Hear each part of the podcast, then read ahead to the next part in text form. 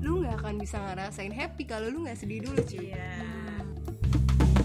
nangkep bahwa sebenarnya emosi negatif mostly ya berguna sebagai pesan gitu Iya, karena kalau nggak kayak gitu nggak ada alert buat kita grow anjir. Hmm. Iya benar-benar. gue dari awal ya udah ketika gue sedih I feel those emotion gitu lah ya ah gue sedih mau nangis dulu dua hari gue nangis dulu dua hari cuy Mantap. Kisah tiba-tiba kita berpisah. Kemudian eh, Eh, mohon maaf, kecewanya tuh gimana kan? lu yang mutusin. Kenapa lu yang kecewa? jangan sampai emosi-emosi negatif itu uh, drives you gitu loh maksud gue jangan over iya.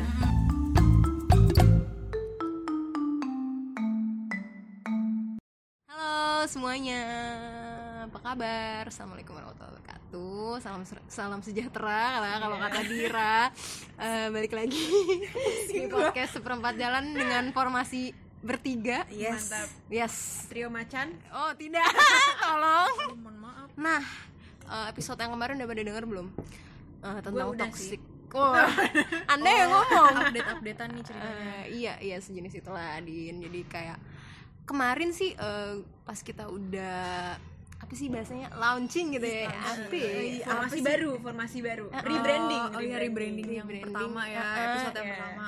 kayak teman-teman gue sih ya pertama pasti teman-teman gue gue suruh denger semua ya kan kayak Yes. lo denger nggak gitu kan gue paksa terus mereka ternyata ya beberapa dari mereka ada yang kayak gila sap gue relate banget Mantap. mantap nggak kayak mantap wow gitu gue seneng banget sih kalau pengalaman lo yang lain ada nggak Kalau gue mungkin pas ketemu live gitu ya, kayak gue gue tagih kan kayak mana udah dengerin belum yang baru? Gitu. Hmm. udah dong gitu kan.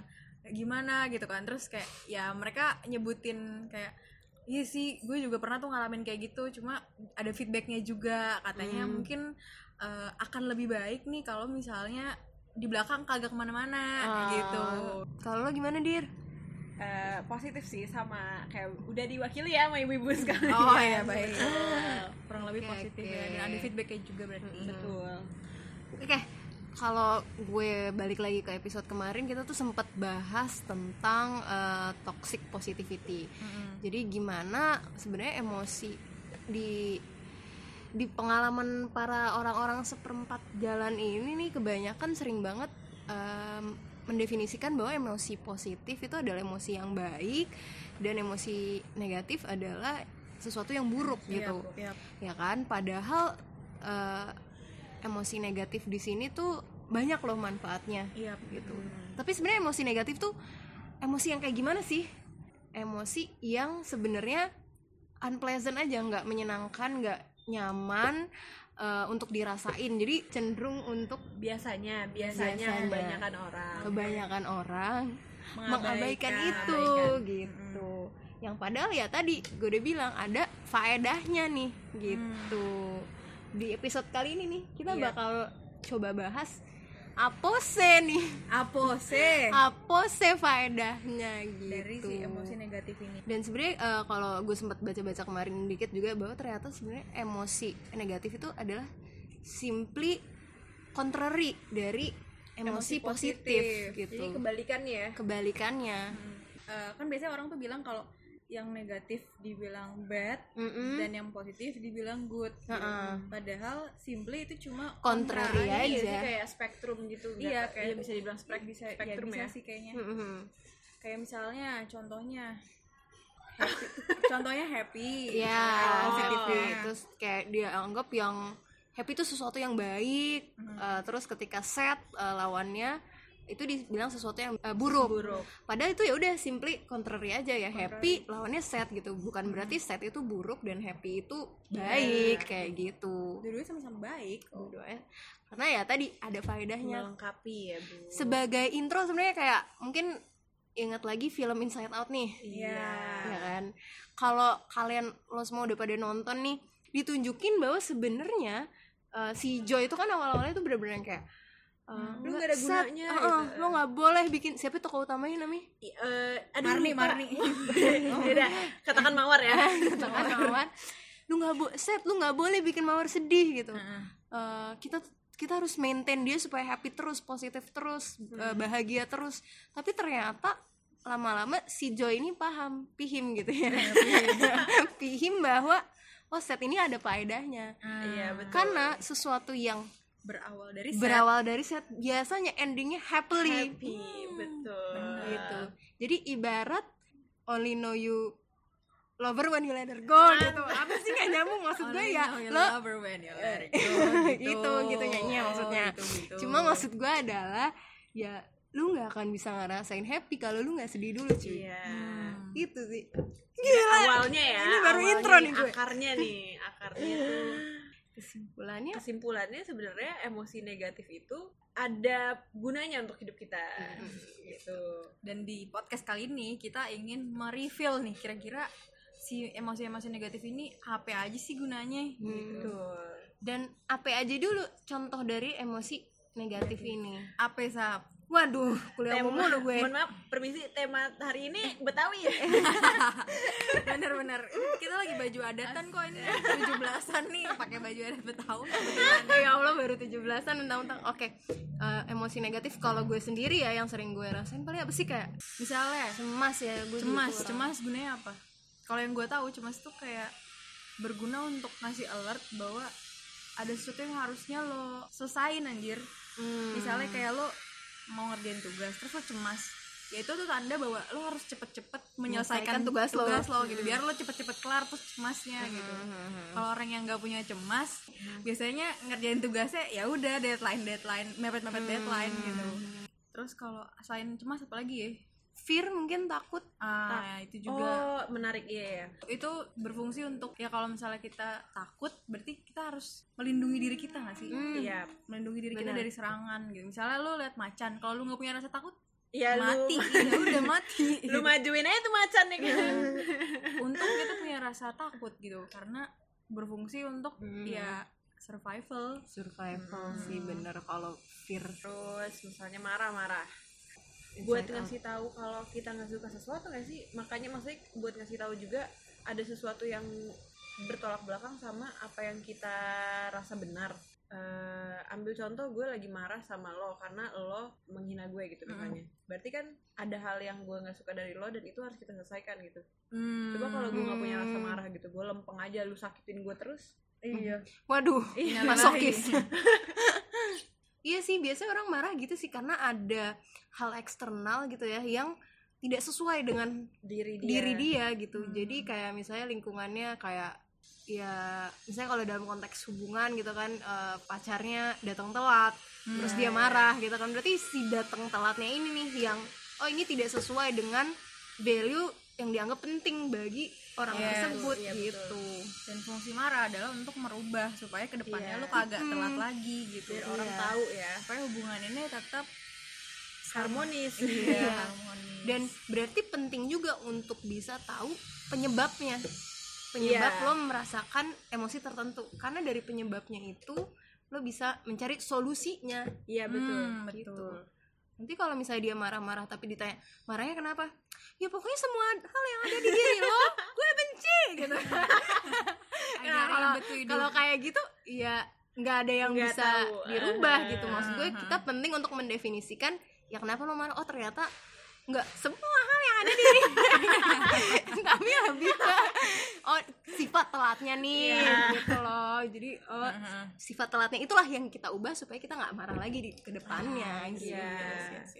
terus kalau yang identik sama seperempat jalan nih kak apa ya kak? Misalnya insecure. Eh, insecurity tuh ada dari- impact dari, kayak kecemasan gitu, cemas ya? Iya sih cemas. Di- maksudnya insecure itu kan lu tidak merasa aman kan? Jadi lu ada ketakutan ketakutan yang nanti ujungnya tuh bisa ke mana-mana gitu. Terus fungsinya apa ya? Kalau kalau gue soalnya belum menemukan solusi dari ketakutan gue sih. Ya gue takut gak dapet jodoh gitu. Sama lo jadi tahu. Iya. Lo memantaskan diri lo untuk dapet Nah. jodoh. Ah iya benar sih. Lu tidak diam aja gitu loh. Jadi tidak diam aja jadi lu mencapai apa yang mau lo capai. Daripada orang-orang yang nggak insecure kerasa aman-aman aja. aman aja Iya. jodoh gue akan datang. Iya. Oh, bener bener. Jadinya memacu lu. Makasih loh. semangat. Makasih makasih. Gitu. Nih nih nih nih kayaknya anak-anak seperempat jalan insecure banyak sih jodoh. Kerjaan lu takut nggak dapet kerja setelah lulus kayak gitu. Kayak pekerjaan dan sekarang kan maksudnya oke ada kerjaan tapi ada duitnya tapi nggak sesuai sama passion lo. Ada sesuai sama passion lo duitnya nggak cocok. Ya itu kalau lu nggak insecure ya lu tidak memantaskan diri lu. Iya Gitu. betul. Setuju. Untuk qualified to those position job position that you apply gitu. Nice point. Kan tadi kita udah ngomongin tentang contoh-contoh eh, negative emotion yang sebenarnya artinya apa sih gitu. Nah terus sekarang kita ngomongin masalah pengalaman kita nih dan sebenarnya eh, ketika kita mengalami negative emotion itu apa ya insight yang kita dapat gitu? Eh, lo ada pengalaman nggak? Yang terkait sama ya manusia lu dulu seperempat deh gue nggak mau. Eh gue nggak mau maksudnya gue abis lu. Ya gila Erin kalau pengalaman gue tuh yang eh, menurut gue bisa diambil insight-nya untuk negative emotion menurut gue eh, waktu itu gue pernah gagal. Gagal dalam dalam satu matkul lah. Tapi matkul itu berimpact ke Hal lain. ke hal lain gitu. Karena itu matkulnya adalah matkul bahasa Inggris gitu.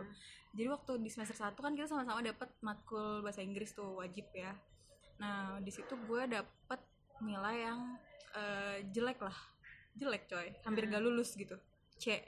C. Gak lulus tuh C min ya? Pokoknya C. Pokoknya hampir gak lulus lah gue. Terus habis itu eh, gue ngerasa kalau gue gagal ya udah gue karena gue nggak baik dalam bahasa Inggris bahasa Inggris gue nggak cukup baik ya udah gue cari aja buku-buku terjemahan gitu. Karena kan semua buku pengantar di matkul kita kan bahasa Inggris ya. Jadi gue ngerasa kayak ya udahlah gue give up aja gue mau nyari aja buku-buku ter- terjemahan gitu kan. Sampai akhirnya gue nemuin momen di mana kayak bahasa Inggris tuh penting deh. Di saat gue masuk satu leadership program gitu. Nah di situ gue eh, kayak gagal di tahap akhir dan tahap akhirnya itu adalah FGD menggunakan bahasa Inggris gitu. Jadi kayak gue ngerasa kayak waduh gue nggak berhasil melewati tahap akhir padahal gue udah melalui tahap yang yang lainnya cuma karena gue jelek gitu di bahasa Inggris. Sampai akhirnya gue menyadari kalau kayaknya gue harus memperbaiki deh nih bahasa Inggris gue gitu. Dan ya akhirnya dari situ gue termotivasi untuk eh, belajar bahasa Inggris gitu. Dari mana pun itu dan ya udah sampai akhirnya gue sekarang sudah lumayan familiar lah dengan bahasa Inggris gitu. Berarti itu awalnya dari eh, apa namanya Gue eh, lebih ke- kecewa ya? Iya gue kecewa sama diri gue sendiri sih. Terus akhirnya itu memotivasi lu. Lu tidak eh, awalnya mungkin lu avoid ya. Avoid. terus ternyata Mm, dengan avoid avoid. Ada banyak kesempatan-kesempatan yang lo lewatkan akhirnya lo Betul. menyadari Yes. memotivasi diri lo Mm-mm. bahwa nggak bisa nih gini terus gitu Mm-mm. dan Nice. itu artinya ya kecewa itu berguna untuk eh, membawa Hmm. diri lo ke versi yang lebih baik gitu Iya. gitu sih kalau dari gue lalu lu dulu dadir ya Allah gue kayak karena soalnya mirip-mirip dikit lah gue sama Dini soal achievement maksud gue nggak apa lu dulu deh oh tetap gue nih karena nyambung karena nyambung Oh, oke, oke. gue penutup Oh, Oke oke oke.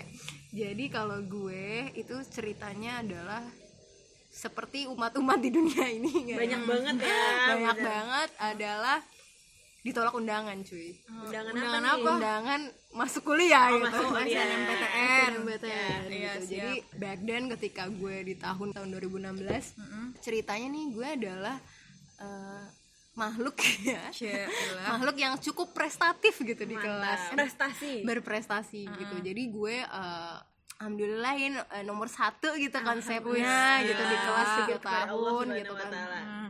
Eh, terus eh, kan dulu ada zaman zaman ranking paralel jadi se IPS Yeah. gue ranking satu juga alhamdulillah gitu. Konsepnya nggak nggak anak sombong tapi hmm, anak emas ya. Tapi alhamdulillah emas ya. Tapi ya balik lagi emas ternyata tidak berhasil masuk. tidak menjamin aduh. Tidak menjamin beb oh lu gitu. berarti setelah itu? Akhirnya gue apply tuh di eh, SNMPTN SNMPTN gue apply psikologi UI the one and only. Ya kan oh, lu gak ada pilihan kedua? Oh tidak. Ih, pede banget ya kak. Ya, tapi daripada kena iya daripada kena kedua gue nanti itu. gue masuk iya, benar, ke mana benar. kedua konsep gue passionnya nggak nih gue mau. suka nih. Ya kan gue nggak mau gitu empat tahun kuliah gitu. Ternyata pas hari H gitu kan yang semua guru BK teman-teman gue yang kayak ngapain sih sap udah nggak usah mikir lah gitu. Pasti keterima. Pasti keterima. Terus gue kayak amin amin amin gitu kan. Mau pede juga kayak aduh takut. Gitu. Ternyata takutnya jadi kenyataan di. Beneran gue hari H tuh yang kayak tenot merah. Nggak diterima nggak Aduh, diterima. rasanya. Si Sidang. anak cemerlang itu si enggak anak cemerlang ini tidak. rasanya apa bu? Kasihan bu. Eh, sedih. Sedih itu sih sebenarnya kecewa nggak gitu mau kan. ketemu orang gitu gak sih? Oh hari H runtuh itu gitu. ya gue Iya. langsung kayak bobrok tuh gue di rumah nangis mulu sumpah kayak nyokap gue datang yang kayak memberikan ceramah. Ya kan menasehati abang gue bilang terus kayak ah kamu nggak masuk UI ya masuk sendiri lewat gerbang pertama digituin gue siapa abang gue. Kenapa kayak ya, kayak Bang? nggak salah? Iya, salah. Ya, Nggak sih itu kamu nggak diundang? Ya udah undang diri kamu sendiri.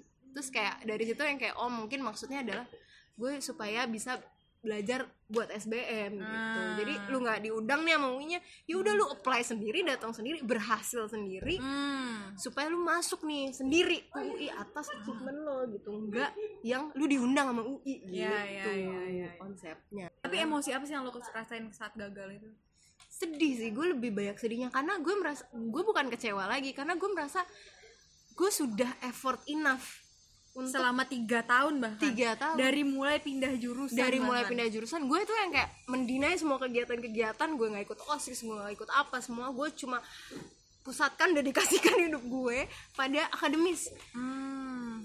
tapi ternyata nggak keterima. Jadi gue bukan gue bukan yang kecewa sama gue bahwa gue tidak effort enough gitu. Karena menurut gue I did enough gitu. Tapi ya tetap aja sedih lah anjir. Sedih banget cuy. Gue nangis nangis itu gila sih. Dan this is hard man. Tapi kan akhirnya lo pada akhirnya lo keterima nih pada psikologi akhirnya UI terus abis gitu. itu jadinya kesedihan itu lo terjemahkan sebagai apa? Kesedihan itu ya pemicu gue banget sih. Jadi tuh bener-bener yang kayak eh, udah sedih nih. Kayak oh, sebenarnya omongan abang gue sih yang cukup eh, mempengaruhi gue yang kayak ya kamu nggak diundang. Ya udah masuk sendiri masuk sendiri apply sendiri lewat SBM gitu. Simak whatever gitu. Tapi ya bukan berarti ketika kamu nggak diundang and then you're Selesai, done gitu. Iya. enggak. Lu Hmm. bisa doing some effort yang lain. Dan itu lebih maksudnya dan ternyata pada akhirnya gue sekarang I'm proud gitu. Bahwa gue Udah masuk berjuang. dengan lewat SBM cuy. Ush, gila kayak, gila. kayak I'm proud. I'm proud. Usaha gitu ya. Oke.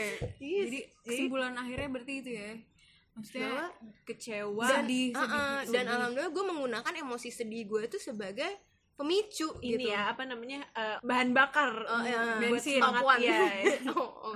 kalau mungkin Dini tadi dia kecewa tapi dia mendinai itu gitu loh Hmm. kayak Awalnya. awalnya gitu sampai akhirnya dia tahu bahwa uh, ada uh, oh gue harus merubah sesuatu gitu kalau gue kayak gue dari awal ya udah ketika gue sedih I feel those emotion gitu loh kayak Hmm. ah gue sedih mau nangis dulu dua hari gue nangis dulu dua hari cuy mantap tapi abis itu gue janji sama diri gue sendiri ya enggak lu harus dan waktu itu jeda pengumuman SNMPTN itu Hmm? sama uh, ujian SBM nya tuh kayak nggak nyampe dua minggu. Anjir seinget gue ya nggak nyampe dua minggu. jadi kayak bener-bener gue ngerasa oke dua hari gue cukup nangis. Ya karena nanti gue buang-buang waktu nih Oh, buat iya, belajar bener-bener. gitu keren kan. ini keren Bu. jadi kayak ya udah gue langsung kayak wah langsung gue ke tempat les tiap hari. Hmm. Kayak jadi jadwal konsul jadwal konsul gitu. Ya udah dan finally I'm here. Ya. udah jadi mapres bahkan sekarang. Jadi mabuk Sabila tuh mapres tahu guys. Mantap. Di follow ya instagramnya. Eh, tidak tidak tidak. Saya tidak promosi yang itu. Oke lanjut lah kalau gitu. Kalau lu, aduh. aduh pengalaman gue agak-agak kurang akademis gue jadi agak malu nih. Emang gue oh ya tadi gue akademis ya tapi Iya. kan ya udah. Balik lagi seperempat jalan. Seperempat jalan. Iya sebenarnya gue cuma sangat- akademis. Iya benar gue sangat relate sih sama seperempat jalan. Apa? Maksudnya yang paling membekas kan Oh, yang kayak gue nyampe iya yang kayak gue nyampe nangis nangis gitu. Baik. anak ala ya enggak lah itu Eh, itu part of growing up aja sih part of growing up gue setuju sih iya jadi waktu itu eh, ceritanya dari SMA nih gue kenal yang kayak pacaran udah mulai serius gimana Udah gitu serius. kan. terus eh, udah dua tahun menjalani kisah tiba-tiba kita berpisah. Kemudian eh, jadi mental breakdown. Gue berpisah aja sebenarnya agak-agak nyebelin ya karena guanya bosen. Eh semena-mena anjir lu. Sombong. Banget. Insecure jodoh dia bosan Mohon maaf, ya, namanya juga anak remaja ya. Kayak eh, aduh mau mau melihat. anda yang mental break nah itu dia itu dia. Waktu ketika di mana? Itu dia. Ibaratnya kalau ketika misalnya gue ditinggalkan beneran langsung kayak aduh duh gimana nih? Anak Leo kan. Jadi kayak nggak bisa nggak bisa ditinggalin gitu. Duh bodoh banget. Terus tapi beneran itu jadi kayak yaudah gue ke- gue marah gue kecewa yang kayak nggak eh, mohon maaf mau." kecewanya tuh gimana kan lu yang mutusin kenapa lu yang kecewa?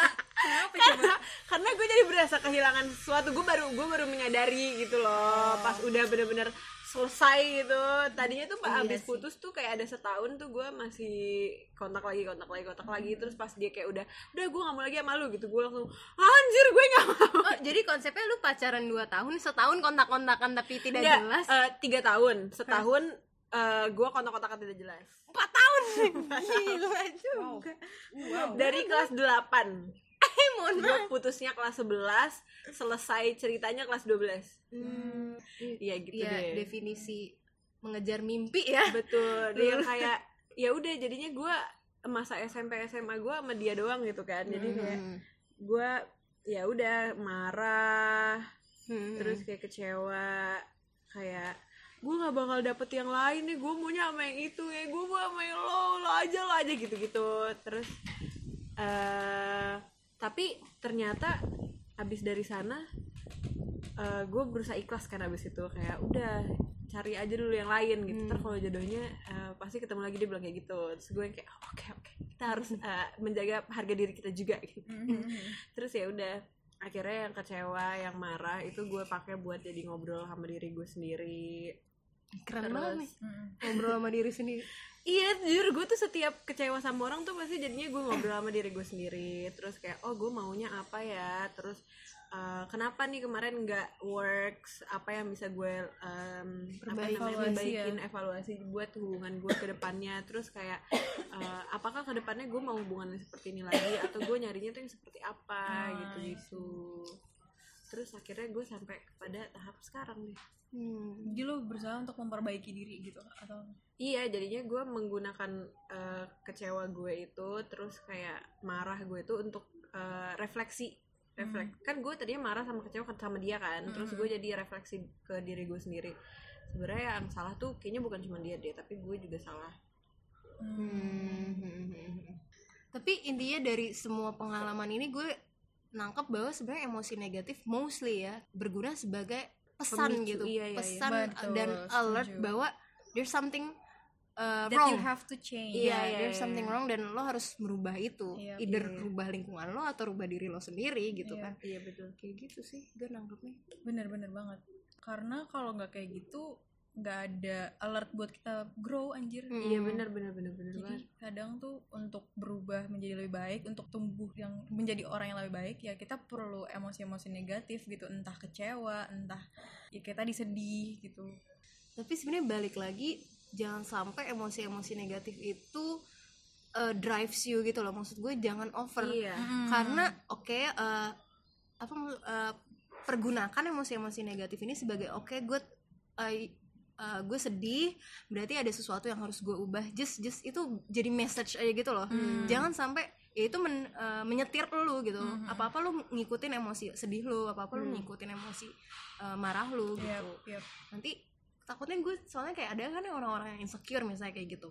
Hmm. kayak dia bener-bener oke let's say soal hubungan gitu. Mhm. eh, takut nggak punya nggak ketemu jodoh nggak punya pacar segala macam kayak gitu gitu lama-lama dia insecure kalau bagus ya positifnya dia tahu bahwa oke gue kurangnya di sini dan memperbaiki diri gitu kan. nah itu bagusnya. Memantaskan diri. Tapi kalau misalnya dia bener-bener emosi negatif yang mendrive bisa aja dia yang kayak ah gue ah gue cantik kayak kagak udahlah gue bahkan Iya, nggak mau iya, keluar iya. rumah misalnya gitu. Nggak mau bersosialisasi. Mm-mm. yang mana itu juga nggak bener gitu sebenarnya. Jadi gunakan itu sebagai ya dengan porsi yang tepat sih sebenarnya.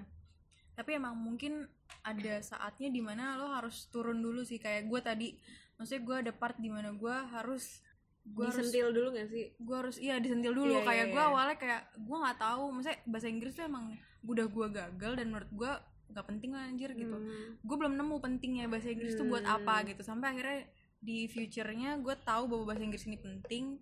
Bahkan gue jadi gagal menggapai Mengejar satu sesuatu. achievement. Cuma gara-gara gue gak bagus bahasa Inggrisnya kan kayak jadi konyol kan iya iya iya. Jadi mungkin it's okay kalau misalnya lo uh, merasa harus mendalami perasaan yang negatif-negatif cuma sadari kayak Iya. sadari kemudian lo harus ngapain gitu. Iya. Se- eh, ini ya sih kayak lu tetap sadar bahwa ini tuh ada yang harus dirubah nih. Makanya dari situ bukannya lu berlarut tapi lu dalami untuk mencari solusi gitu. Iya. Gue kemarin sempat baca sebuah artikel di Psychology Today gitu kalau orang kan banyak yang menghindari emosi negatif kan.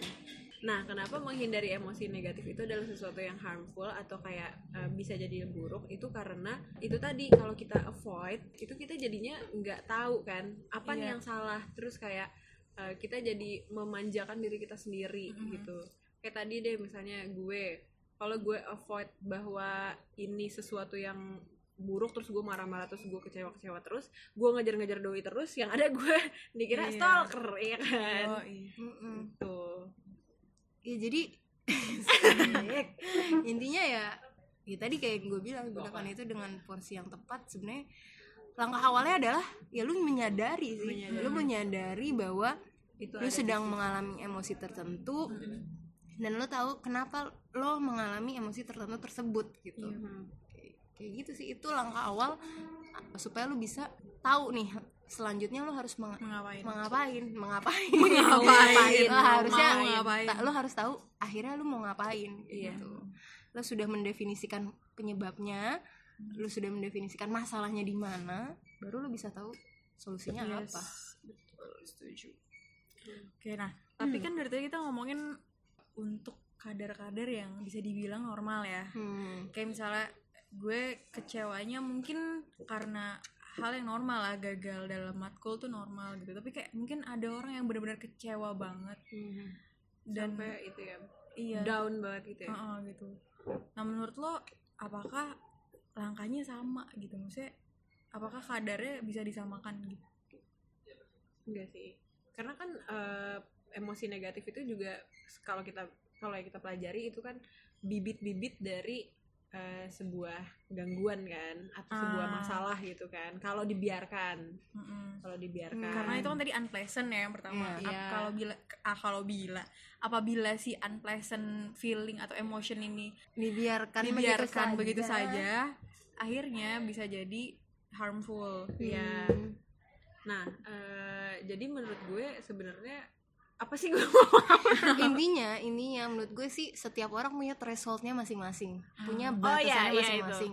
Jadi ketika emang ada orang yang dikasih segini gitu kekecewaan segini tuh masih bisa. Tapi ada orang lain yang emang itu dia nggak udah udah limitnya dia. udah limitnya dia. Dan ketika itu sudah cukup mengganggu dalam keberfungsian dia sehari-hari itu udah udah gang eh, Udah. masalah di masalah Masalah. luar thresholdnya dia uh-uh. udah nggak bisa ditanganin Hmm.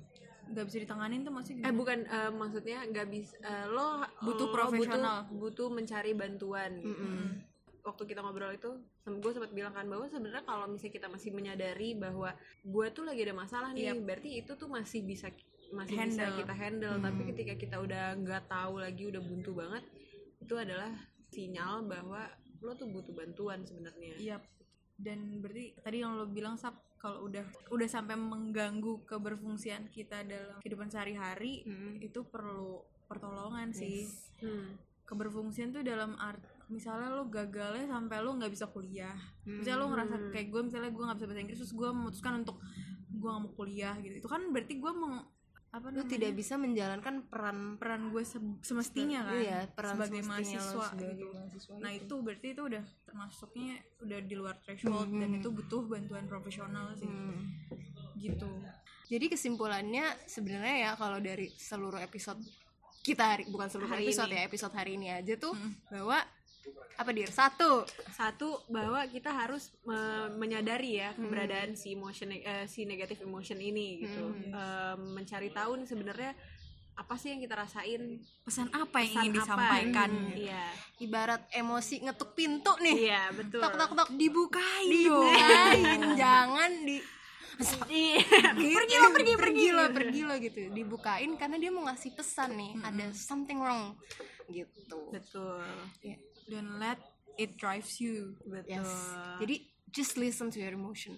Yes. but don't let it drives you. Mantap. Sabila Bahrain